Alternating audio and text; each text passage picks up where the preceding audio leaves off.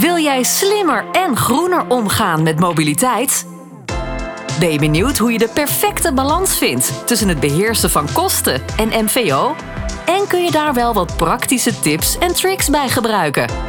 Samen met mobiliteitsprofessionals bespreken presentator Volker Tempelman en consultants Elske van der Vliert en Arjos Bot de laatste ontwikkelingen en trends binnen de zakelijke mobiliteit. Welkom bij de Mobiliteitsprofessionals. Deel 78 van de Mobiliteitsprofessionals. Elske en Arjos, welkom. Dankjewel, Volkert. Dankjewel. Ons onderwerp vandaag is 100% CO2-neutraal in 2030. Hoe doe je dat? Daar praten we over met iemand die daar heel veel van af weet. Onze gast Erik Kemink. Hij is oprichter van Senso. Welkom Erik, goed dat je erbij bent. Ja, vind ik ook leuk. Hoe komt het dat jij zoveel van dit onderwerp weet? CO2-neutraal 100% in 2030? Nou, als ik kijk naar mijn uh, werkende carrière, dan ben ik eigenlijk altijd wel druk bezig geweest met duurzaamheid en verduurzaming. Dat doe ik eigenlijk al uh, heel lang. In eerste instantie in de mobiliteit. We hebben heel veel gedaan aan het uh, ontwikkelen van tankstations voor biogas en voor waterstof en voor elektrisch rijden. En meer recenter ben ik mij druk gaan maken over kantoren en gebouwen. Om te kijken hoe je die ook goed CO2-neutraal kunt krijgen. Dus dat is de reden dat ik daar zoveel kennis over heb. Is dit voor jou uh, echt werk of uh, ook bijna een roeping? Dit is voor mij naast werk ook een roeping, absoluut. Ik maak me heel veel zorgen over de klimaatverandering, al heel lang. En ik vind ook dat we daar te weinig aan doen. Dus voor mij is dit een manier om mijn werkende leven in te zetten om uh, te kijken of ik een bijdrage kan leveren om in ieder geval die klimaatverandering een uh, halt toe te roepen. Hoe doe je dat met Senso? Want wat is Senso precies? Ja, Senso is een uh, bedrijf. Het staat letterlijk voor Connecting Energy Solutions. En wat wij doen is, uh, wij verbinden eigenlijk allerlei energie- en duurzaamheidsoplossingen aan elkaar. En op die manier kunnen wij dus uh, klanten, dat zijn vaak uh, eigenaren van gebouwen, helpen om hun gebouw CO2-neutraal te krijgen. En dat doen wij in de brede zin. Dus wij helpen klanten bijvoorbeeld met het monitoren van energie of een inkoop van een energie. Mm -hmm. Maar ook voor het zorgen dat ze zonnepanelen of laadpalen krijgen. Dus op die manier proberen we eigenlijk alle verschillende diensten aan te bieden klanten te helpen om echt CO2-neutraal te worden met hun gebouw. Daar gelijk op inhakend, want uh, CO2-neutraal, dat hoor je nogal veel. Ja. CO2-positief hoor je ook wel eens. Maar meestal is er een weg te gaan om CO2-neutraal te worden. Um, help je daar dan ook mee, zeg maar, en is compenseren van CO2 die er toch nog is ook onderdeel van de, jullie dienstverlening of propositie? Of hoe moet ik dat zien? Ja, nee, het is helemaal waar wat je zegt. Kijk, het is altijd een stappenplan. Hè? Het is niet zo dat iemand van, uh, vanaf dag één uh, meteen helemaal CO2-neutraal is. Het vaak uh, doe je dat stapsgewijs. zeker als het over een bestaand gebouw gaat. kijk je bijvoorbeeld naar het meerjaaronderhoudsplan of naar een bepaalde renovatieperiode. dus dat, en daar zet je stappen in. Maar dat kan bijvoorbeeld ook over energie zijn. Hè? Je kunt bijvoorbeeld een keer zeggen, ik koop gewoon fossiele energie in en dan maak, koop ik, maak ik het groen. En nou ja, als je uiteindelijk zegt, joh, ik wil een bepaalde CO2-compensatie hebben. Uh, dan kunnen we daar ook bij helpen. Maar wij hebben wel de ambitie om echt klanten echt te zorgen dat ze echt CO2-neutraal worden. Dus wat dat betreft, CO2-compensatie is natuurlijk wel een manier om CO2-neutraal te worden. Maar is in mijn hart niet de manier om CO2-neutraal te worden. Ik vind echt wel dat je als gebouweigenaar uh, moet zorgen dat je zelf uh, het voor elkaar krijgt. Oké. En hoe doen jullie dat dan en ook voor je eigen organisatie? Ja, nou, wij, uh, wij doen dat voor onze eigen organisatie. Dat is, uh, we hebben natuurlijk een aantal kantoren. Uh, daar testen we bijvoorbeeld ook nieuwe oplossingen. Ja. Bijvoorbeeld, we zijn dus nu met een, een, oplossing aan het testen om te kijken of we ons gasverbruik op een locatie omlaag kunnen krijgen. Ja. En we zijn met een andere locatie aan het kijken of we dat pand helemaal CO2-neutraal kunnen krijgen door daar naar een warmtepomp te, te, kijken. Daar zitten al zonnepanelen op en er staan, er staan al laadpalen. En daar komt misschien ook nog een batterij bij. Dus we zijn ook op onze eigen locaties proberen we dat voor elkaar te krijgen. Dat doen we natuurlijk, nou ja, dan gaat het over onze kantoren. En, uh, mm-hmm. Maar ook in ons mobiliteitsbeleid doen we dat. Dus wij, uh, wij kiezen echt voor een mobiliteitsbeleid wat volledig is gericht op uh, elektrisch aandrijven. Maar ook fietsen en OV? Want dat is ook best CO2-neutraal. Ja, ja, absoluut, absoluut. Wij hebben, nee, wat dat betreft, en ons mobiliteitsbeleid is wat dat betreft veel breder nog dan dat. Wij, Iedereen heeft van ons een NS Business Card gekregen. Dus wat dat betreft wij uh, echt uh, mensen stimuleren om uh, met het, zowel maar met de trein te reizen. Want dat is natuurlijk nog veel beter dan met de auto reizen.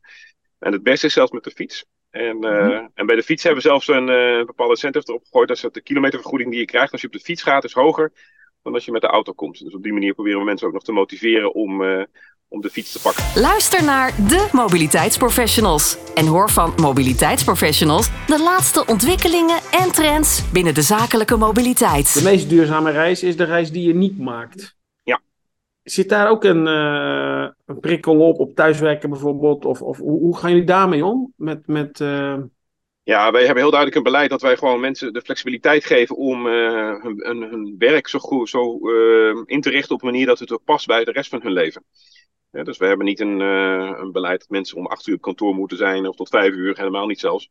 We hebben veel liever dat mensen, als wij spreken, als ze ochtends naar kantoor moeten komen en voor een vergadering en ze zouden met de auto gaan, dan hebben we liever dat ze bij wijze spreken wachten tot de file voorbij is, zodat ze, dat ze dan in de auto stappen. Of dus je ziet bij ons wat dat betreft een heel duidelijk een beleid dat mensen zelf gewoon hun keuzes daarin maken. En als iemand zegt, joh, ik vind het juist lekker om tussen de middag te gaan sporten, nou ga, moet je dat lekker gaan doen, zeg maar. En, en uiteindelijk is, hebben we een cultuur die gericht is op, op, dat je, op resultaten, dus dat je mensen op, op resultaat stuurt en niet zozeer op aanwezigheid. En dat betekent dus ook wat dat betreft als mensen zeggen, joh, ik uh, vind het prettig om, uh, om thuis te werken, dat dat, uh, dat dat ook hartstikke goed is. Kijk, maar als jij toevallig weet dat je die dag dat het pakketje afgeleverd wordt waar je thuis voor moet zijn, ja, dan zou je, dan, zou je daar bij wijze van een vrije dag voor moeten nemen. Nou, dat, dat nee. zouden we ook helemaal niet willen. En, en ook, er zijn ook mensen die gewoon ook zeggen bij ons, joh, ik vind het...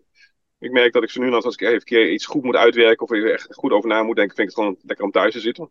En andersom, hè. We hebben ook mensen die juist zeggen, ik vind het fijn om op kantoor te zijn, want maar ik vind het leuk om met onder de collega's te zijn. Dus uh, nou, daar geven we allemaal ruimte aan aan, de, aan iedereen. Kun je wat vertellen over hoe je zo'n cultuur creëert? Nou, ik denk dat het begint bij uh, dat gewoon uh, zelf dat voorleven. Dus wat dat betreft, ik bijvoorbeeld op dinsdag en op donderdag breng ik ochtends de kinderen naar school. Dus dan ben ik wat later op kantoor. Dan ben ik bij spreken om een uur of tien. En, uh, en op dinsdagmiddag haal ik de kinderen op één keer in de twee weken. Dus daar, daar begint het al bij. Hè? Dus dat ik gewoon, mm. het heel normaal is dat je als directeur gewoon ook je kinderen naar school brengt en kinderen van school ja. ophaalt. En ook daarin geldt dat ik, uh, ja, als ik uh, uh, een keer op tijd klaar ben, dat ik gewoon lekker op tijd naar huis ga. Dus ik, ik ben, ik begin, dat begint het al bij. Dus gewoon een cultuur neerzetten voor hoe je zelf je gedrag laat zien. Ja. En dat ook actief uitdragen. Dus wat dat betreft, ik praat daar gewoon veel met mensen over. over wat, heel vaak vragen mensen, joh, wat verwacht je van ons? Zeker wij kopen bedrijven. En dan is vaak heel snel een vraag die mensen stellen van, ja, joh, wat verwacht je van ons qua, op dit punt? En dan zeggen ze, hebben gewoon heel eerlijk over welke cultuur we willen verwachten. Ja. En we verwachten gewoon een cultuur waarin mensen gewoon maximaal de ruimte krijgen om hun leven gewoon goed in te richten. En dat gaat dus niet alleen over werk, maar over totaalplaatje, de werk en privé. Dat mensen gewoon het gevoel hebben dat ze op die manier een prettig leven leiden. Werkt dat goed, vind jij? Uh, krijg je er veel vragen bijvoorbeeld over van mensen met wie je werkt? In, in de zin van dat ze, of ze er tevreden of ontevreden over zijn, is dat wat je vraagt eigenlijk? Ja, en of ze vinden dat het aanslaat, dat het motiveert om uh, met jou mee te doen. Ja, ik heb het idee van wel. Als ik gewoon puur om me heen kijk, dat, dan, dan zijn er weinig mensen zeg maar, die dat niet op deze manier doen. En mensen ervaren dat als heel prettig. Dat die, dat die ruimte bij ons echt is. Dat echt een ruimte is om uh, ja, je, je leven in te vullen op de manier zoals jij denkt dat het goed uh, bij jezelf past. Ja. En uh, nou ja, dat geeft ook aan dat je dat betreft veel vertrouwen aan mensen geeft. Hè? Dus dat, dat ervaren ja. mensen ook, vinden mensen ook prettig. Ja. dus ik heb het idee dat het. ik heb ook niet echt het idee dat het nog een, een, een onderwerp bij ons is. Het is niet zo dat heel vaak mensen vragen aan mij van joh, Erik, vind je het wel goed dat ik uh, dat ik dat dit doe, dat doe ik hetzelfde als op vakantie. Dat mensen, ja, als mensen op vakantie willen, dat was, was bij wijze van spreken, zie je bij ons een bepaalde bedrijf, dan moet je dan verplicht toestemming vragen aan je leidinggevende. Ja, ik heb ook zoiets voor, dat moet je gewoon zelf eh, de verantwoordelijkheid voor nemen. En natuurlijk is het goed om elkaar te informeren, hè? dus zo is het niet. Mm -hmm. Maar ja, goedkeuring vragen, dat zijn allemaal van die dingen dat ik denk, ja, dat past gewoon helemaal niet bij de tijd meer hoe je met elkaar omgaat. De mobiliteitsprofessionals. Heel praktisch, jullie maken gebruik van een app om je uh, reisbewegingen bij te houden. Ik denk dan, als ik zo hoor hoeveel vrijheid mensen krijgen, dat ze ook niet zo snel denken van, oh, ik word gemonitord, maar meer, oh, ik kan leuk punten sparen want, en cadeaus krijgen. Hoe werkt dat bij jullie? Welke resultaten zie je daarvan? Natuurlijk was er wel even de vraag over, uh, toen we die IAP van, goh, ga je ons niet monitoren? Maar ja, dat is natuurlijk absoluut niet, uh, dat is voor de zekerheid, dat is absoluut het idee niet.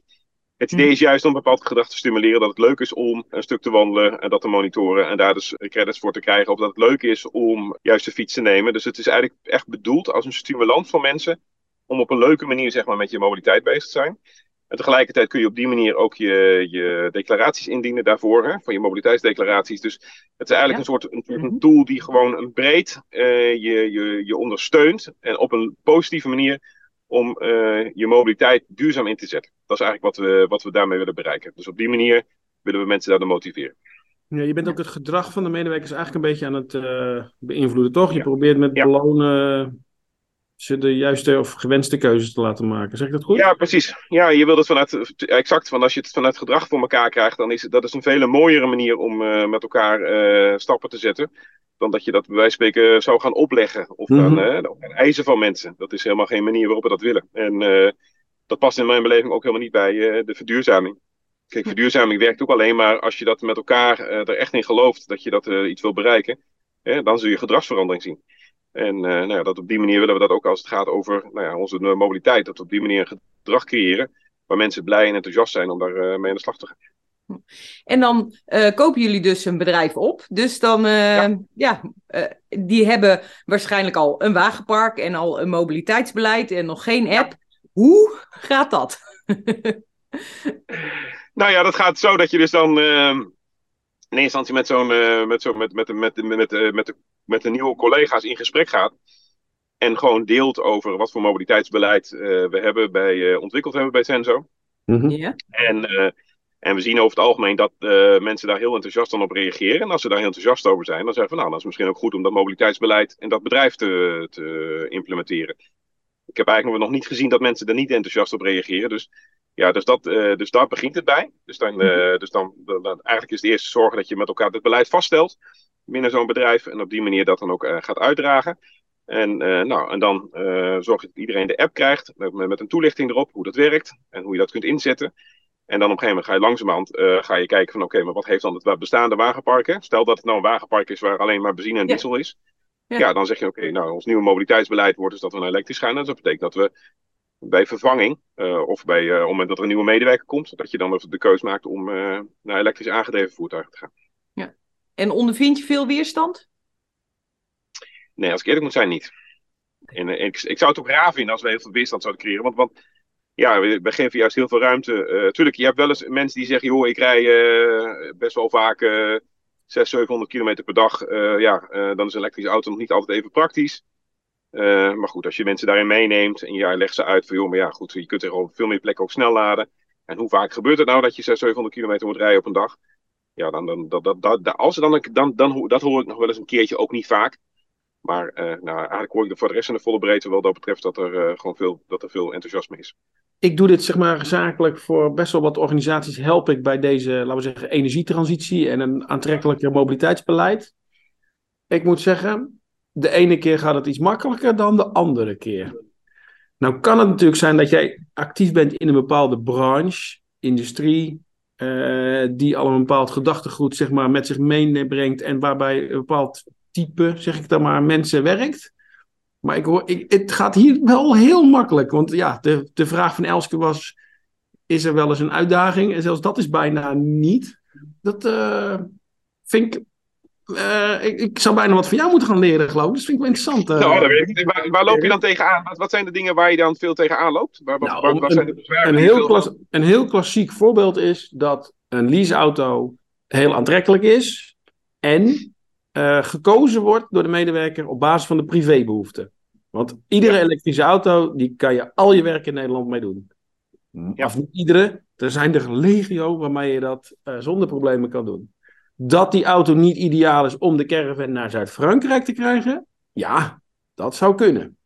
Ook dat verbetert trouwens vrij snel, maar is een belangrijke reden voor mensen om te ageren, want ik wil geen elektrische auto. En zo zijn er ook meer voorbeelden van mensen die zeggen, ja, nu moet ik met het openbaar vervoer naar kantoor komen. Ik wil helemaal niet met het openbaar vervoer. Ik wil in mijn eigen autonome, eigen kokonnetje met mijn eigen stoel, eigen drankje, eigen muziekje, eigen, eigen, eigen, eigen. Ja. En ik sluit wel achteraan in de file en dan vind ik het echt veel fijner. Dus ja, ik, ja het, is, het is niet bij iedereen dat het zomaar... Uh... Nee, maar zoals dat je het tweede voorbeeld wat je geeft, hè, dat, daar geeft wij ook de ruimte aan. Hè? Wij, wij dwingen mensen niet op het openbaar vervoer te nemen. Of wij dwingen mensen niet op de fiets te nemen. Helemaal niet zelfs. Dus uh, ja. Als iemand zegt, joh, ik ga liever met de auto, ja, dan kan ik wel tegen hem zeggen van, ja, maar ja, het uh, openbaar vervoer, is veel, veel duurzamer. Dat is ook waar. Maar zo ver gaan we niet. Want dat, dus ik, ik vind het wel belangrijk dat mensen zeg, van, vanuit hun eigen gedrag zeg maar, die keuzes maken. En niet zozeer omdat wij uh, van mening zijn dat het een goed idee is. Ja. En beloon je dan bijvoorbeeld openbaar vervoergebruik ook nog extra? Of zit de stimulans bij jullie uh, vooral de extra stimulans op fietsen? Ja. ja. ja. Nee, we belonen niet. Uh, nee, openbaar vervoer belonen we niet verder. Dat is. Uh... Nee. Maar goed, met een NS Business Card en uh, punten sparen elke keer nee, dat je met het OV gaat, dat zijn al twee plussen natuurlijk, denk ik dan. Exact. exact Heel laagdrempelig, zeker. Ja. Exact, ja. Exact. dat, dat, dat is natuurlijk uiteindelijk wat je wilt, denk ik, in ons geval. Je probeert het zo maximaal mogelijk te faciliteren. Om op die manier voor mensen de drempel zo laag mogelijk te maken om, om duurzaam gedrag te laten zien. Maar als ze op een gegeven moment daar nog niet aan toe zijn, of dat niet willen, eh, dan, dan, ja, dan, hou je daar, dan hou je daar rekening mee. Tegelijkertijd, wij zijn natuurlijk wel echt een, een duurzaamheidsbedrijf. Hè? Dus wat dat betreft, ja, uh, als je daar echt niet thuis voelt, uh, omdat je bij wijze van spreken daar niet in gelooft, ja, dan moet je denk ik ook niet bij ons gaan werken. Want dan, ja, dan pas je ook niet. Hè? Dus, dat, dus, dus in die ja. zin denk ik ook wel dat meespeelt dat we, ja, dat we ook wel in een sector zitten, zeg maar. We zitten in de energiesector, we zijn bezig met de verduurzaming en duurzaamheid. Ja, dat, dat trekt automatisch ook denk ik wel een bepaald type mensen aan. Ja. En dan wil ik niet zeggen dat iedereen bij ons 100% bevlogen is voor duurzaamheid. Maar uh, nou, het grootste deel van de mensen is daar echt, heeft er echt wel betrokkenheid op. Wil jij slimmer en groener omgaan met mobiliteit? Luister dan naar de mobiliteitsprofessionals. En ontdek de laatste ontwikkelingen en trends binnen de zakelijke mobiliteit. Erik, je hebt een uh, stevige ambitie, 100% CO2-neutraal uh, in 2030. Uh, waar staan we nu op de tijdlijn, als er een tijdlijn is? wat zijn jouw gedachten daarbij? Oh, dat, uh, dan maak ik. Dan, dan, dan, als er een tijdlijn zou zijn, dan staan we nog niet zo ver, zal ik eerlijk over zijn. Wij hebben dat betreft. Uh, we moeten echt nog hele grote stappen zetten uh, in wereldwijd, maar ook gewoon in Nederland. Hè, als het gaat over bestaand vastgoed, hè, want dat is natuurlijk eigenlijk een beetje waar wij ons actief in zijn. Mm -hmm. Ja, dan ja. ligt er nog een enorme opgave de komende jaren. Dus wat dat betreft, die is ontzettend groot nog. En dat is ook geen makkelijke opgave, zal ik eerlijk over zijn. Uh, dus wat dat betreft is de situatie echt wel zorgelijk uh, vanuit dat perspectief. Wat zijn positieve mijlpalen in het verleden, misschien recente verleden? Als je er twee mag noemen bijvoorbeeld? Nou, wat, ik, uh, wat, wat positieve mijlpalen is, is, is zijn, wat ik gewoon heel zie, is dat in ieder geval als je kijkt naar de nieuwbouw, dat die dus wat dat betreft echt wel helemaal nu gewoon een beetje CO2-neutraal is. Hè? Wat dat betreft, dat, daar zijn, zover zijn we, dat betreft qua technologie zijn we zover dat dat gewoon helemaal kan. Dus dat vind ik denk ik wel een hele mooie. Dat op die manier, dat, hè, dat is de, de reden om het niet te doen, is niet meer van ja, het kan nog niet. Hè? Nee, het kan gewoon. Hè? Dus wat dat betreft, de technologie is echt aanwezig om gebouwen CO2-neutraal te maken. Dus dat denk ik, dat is een hele mooie ontwikkeling. En, uh, en dat is een, dat, wat niet echt een mijlpaal is, maar wat ik wel wel heel, eigenlijk, wat eigenlijk een, een bijeffect is. Maar wat natuurlijk een, we hebben natuurlijk een hele vervelende oorlog in Oekraïne op dit moment. Maar het effect is wel dat de energieprijzen enorm stijgen. Dus je ziet wel dat ja. uh, de, de, de, de behoefte en de noodzaak om te verduurzamen in één keer niet alleen meer komt gedreven vanuit duurzaamheid, maar ook vanuit de portemonnee. En ik merk wel dat het enorm helpt om met name ook uh, het onderwerp uh, beter op tafel te krijgen en het gesprek beter op, op het juiste niveau te krijgen. Is er ook meer mogelijk bij de, de grote massa, vind jij, door de situatie die op dit moment is ontstaan? Komen mensen er ja. sneller achter van, oh, als ik dit of dat doe, kleine stapjes, dan doe ik al wat? Nee, absoluut. Wat wij zien, heel breed zien bij onze klanten, is dat, uh, ja, dat we veel actiever daar nu voor, uh, dat ze bij ons heel veel actiever benaderen van, goh, help me eens. Hè? Want ja, ik zie dat mijn energierekening in één keer, keer twee, keer drie, soms wel keer tien gaat. En uh, dus wat dat betreft, het wordt veel makkelijker ook om te investeren in bepaalde technologie, omdat de terugverdientijd ook gewoon veel beter geworden is. Mm -hmm. en, ja. en ook heel simpelweg, dat gewoon, er zijn ook heel veel bedrijven die gewoon zeggen, ja, mijn energiekosten stijgen zo hard ja, op deze manier, bij wijze van spreken, als ik niet oppas, kom ik, kom ik zelf, ontstaat er een continuïteit, continuïteitsrisico. Dus ik heb echt wel behoefte om hierop snel op te schakelen. En je ziet dus ook dat er ook dus de, vanuit de directies van bedrijven ook veel meer steun is om, om snel maatregelen door te voeren. Dus waar eerder, het, bij wijze van spreken, het alleen maar bij de duurzaamheidsmanager zou liggen, als voorbeeld, ja. zie je nu dat het echt ook echt bij de directie zelf op tafel ligt en ook zelf een directe urgentie is om hiermee aan de slag te gaan. En gezien jouw uh, achtergrond in duurzame mobiliteit en ook met waterstof, je bemoeienissen nu in de gebouwde omgeving, uh, vraag ik me wel af: waterstof uh, voor voertuigen, waterstof voor de gebouwde omgeving of waterstof voor de industrie? Wat denk jij? Nou, uh, als het over voertuigen zou zijn, dan zou het echt voor hele zware voertuigen moeten zijn. Dus wat ja? dat betreft, ik geloof niet dat, ik geloof niet dat waterstof een rol gaat spelen in, uh, in, gewoon in, in, in, auto's. Hè? Dus wat dat betreft, mm -hmm. dat, en, en vrachtwagens, nou, zou kunnen, weet ik niet. Ehm, industrie, absoluut. Hè? Daar gaat de, de, waterstof gewoon een hele belangrijke rol spelen. Dat, dat weet ik wel zeker. En als het over de gebouwde omgeving gaat, dan zou het eigenlijk met name zijn als opslagmedium, denk ik. Dus dat betreft, oh, ja. ik denk dat waterstof een belangrijke rol gaat spelen als opslagmedium. Uh, we kunnen natuurlijk niet alles doen met, uh, met batterijen, uh, dan wel met water. dus wat dat betreft, ik denk dat waterstof ook een belangrijke rol gaat spelen. Met name om, om, het, om energie in op te slaan, om het makkelijk te kunnen transporteren. Dus daar, daar gaat denk ik waterstof een belangrijke rol spelen. Is mijn verwachting, laat ik het dan zo mm -hmm. Ja, nou ja, we nodigen hier gewoon over vijf jaar en over tien jaar gewoon nee, weer uit. En dan ja, kunnen we een beetje ja, kijken of het uit is gekomen. Ja. Ja, maar kijk, als je naar de gebouwen gaat, ik denk dat het grotendeels allemaal geëlektrificeerd gaat worden, in mijn beleving. Dus wat dat betreft, je gaat een combinatie ah, ja. krijgen zonnepanelen, warmtepompen, la een laadpaal en een batterij. Hè. Dus wat dat betreft, Mhm. en mobiliteit was altijd een opzicht, eh, stond helemaal los van een gebouw. Dat wordt nu veel meer geïntegreerd in elkaar. Hè. Wat dat betreft, de energie die je gaat opwekken eh, in een gebouw, ga je ook, eh, die je over hebt, ga je gebruiken voor je mobiliteit. En vice versa. Dus op, eh, op het moment dat, zeg maar, dat je tekort hebt, ga je de auto's gebruiken als accu, zeg maar, voor je, om je, om eh, je gebouw weer eh, te voeden met energie. Ja. Dus het is wel zo dat die, dat die werelden veel dichter bij elkaar komen. Hè? Die werelden lagen Ja. redelijk ver uit elkaar, van elkaar af. Hè? Waren gewoon vo- volledig gescheiden industrieën. En ik denk dat dat eh, rap gaat veranderen de komende jaren. Kun je daar een tipje van de sluier over oplichten? Hè, we hebben natuurlijk eh, vehicle to grid of V2X of dat soort technieken komen eraan. Maar eh, heb jij andere kennis, inzichten over hoe die twee hè, gebouwen en auto wat meer naar elkaar toe gaan? Eh, Of hebben jullie daar op oplossing voor of testen voor? Je wilt steeds decentraler zeg maar, je energiesysteem organiseren. hè. We hebben Mhm. natuurlijk van, van oorspronkelijk een heel centraal energiesysteem gehad. Met grote centrales, hè, gas- en eh, kolencentrales. En je gaat naar een decentraal systeem. Nou, dat kan, als je het even hebt, dat kan op een gebouwniveau zijn of op een bedrijventerreinniveau. Wat je daar gaat zien in mijn beleving is dat je dus een combinatie krijgt van, eh, van, eh, van opwek in de vorm van eh, zon en wind. In de zon van verwarming in de vorm eh, van met, met een warmtepomp of, eh, of iets, iets dergelijke technologie. En, eh, en, eh, en, en, en dus je gaat heel veel energie die je dus gaat op, opwekken zeg maar, op zo'n bedrijventerrein, die heb je niet allemaal nodig voor het verwarmen van je gebouw.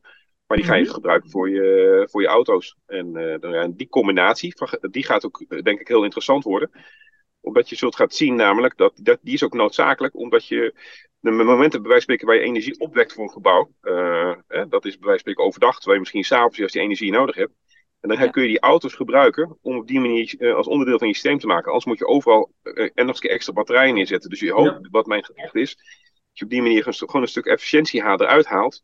Of juist beter maakt door, anders moet je Mhm. overal oneindige batterijen neerzetten. Terwijl je au- au- auto's kunt gebruiken om onderdeel van het systeem te worden. En op die manier ervoor te zorgen dat je volledig duurzame energie op een, eh, op een gebouw of een bedrijf krijgt. Luister naar de mobiliteitsprofessionals. En hoor van mobiliteitsprofessionals de laatste ontwikkelingen en trends binnen de zakelijke mobiliteit. Wat is nou wat jou betreft de succesfactor of wat zijn de succesfactoren van een duurzaam mobiliteitsbeleid?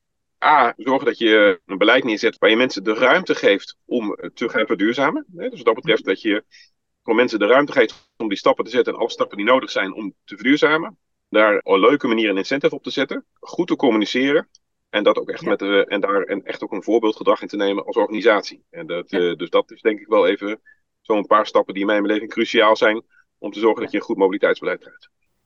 Tot slot, Erik.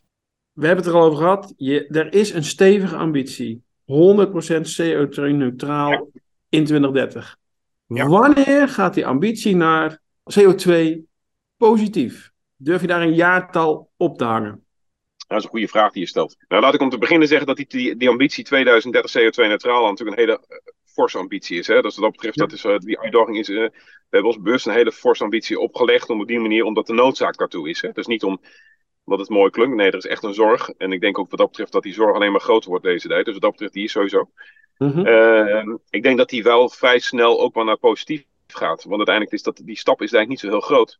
Eh, we hadden hem ook bewust, we hebben hem eigenlijk CO2-neutraal gecommuniceerd, omdat het, je merkt dat mensen dat beter snappen dan CO2-positief nog. Dus dat is de Ja. reden dat we dat gedaan hebben. Maar dat, dat durf ik aan, eh, eh, nou 2035, dat durf ik er nou wel, eh, als je me dat dan vraagt op de man af, dan zou ik zeggen, ja, dat moet wel kunnen. 2035. Eh, mooi om mee af te sluiten, eh, Arjos, eh, Elske en Erik. Dit was hem namelijk, deel 78 van de Mobiliteitsprofessionals. De gast was Erik Kemink, oprichter van Senso. Erik, dankjewel. Graag gedaan, was leuk, was een leuk gesprek ook. We blijven graag met alle luisteraars, jullie in contact. Laat dus gewoon van je horen. Je kan ook communiceren met de podcast, met ons. bijvoorbeeld op LinkedIn. Tag ons gewoon in je bericht en dan eh, voeren we online het gesprek eh, verder. Eh, waar en hoe zijn jullie allemaal te bereiken? Erik, om met jou te beginnen. Hoe kunnen mensen, kunnen mensen en zo ja, hoe kunnen ze met jou in contact komen? Nou, ze kunnen mij gewoon mailen. Mijn e-mailadres is erik met een k.kemink. Kemink is K-E-M-I-N-K. En dan apenstaatje senso, C-E-N-S-O.nl. En als je gewoon Erik Kemink op LinkedIn intypt, dan, weet je me, dan vind je me ook. En dan, dan reageer ik vaak wel binnen een dag. Dus dat is denk ik de makkelijkste manier om mij te benaderen. Goed, Elske, hoe ben jij te bereiken? Ik ben uh, ook via LinkedIn te bereiken en op van de vliert apenstaatje zero-e.nl. En daar hoor ik ook heel graag wat mensen van de podcast vinden. Wat je als luisteraar nog graag meer zou willen horen. Welke tips je hebt. Dus laat van je horen. Arjos, uh, mogen mensen ook uh, bij jou terecht met tips, trucs en vragen? Uiteraard, uiteraard. Traditioneel via de e-mail bij arjos.bot.arval.nl of op mijn naam via LinkedIn. Duidelijk. Iedereen bedankt voor het luisteren. Je kan de podcast van De Mobiliteitsprofessionals terugvinden op de website demobiliteitsprofessionals.nl en natuurlijk in je eigen favoriete podcast-app. Bedankt voor het luisteren naar De Mobiliteitsprofessionals. Volgende keer zijn we er weer met een andere gast en nog meer relevante ontwikkelingen en tips rondom zakelijke mobiliteit. Tot dan!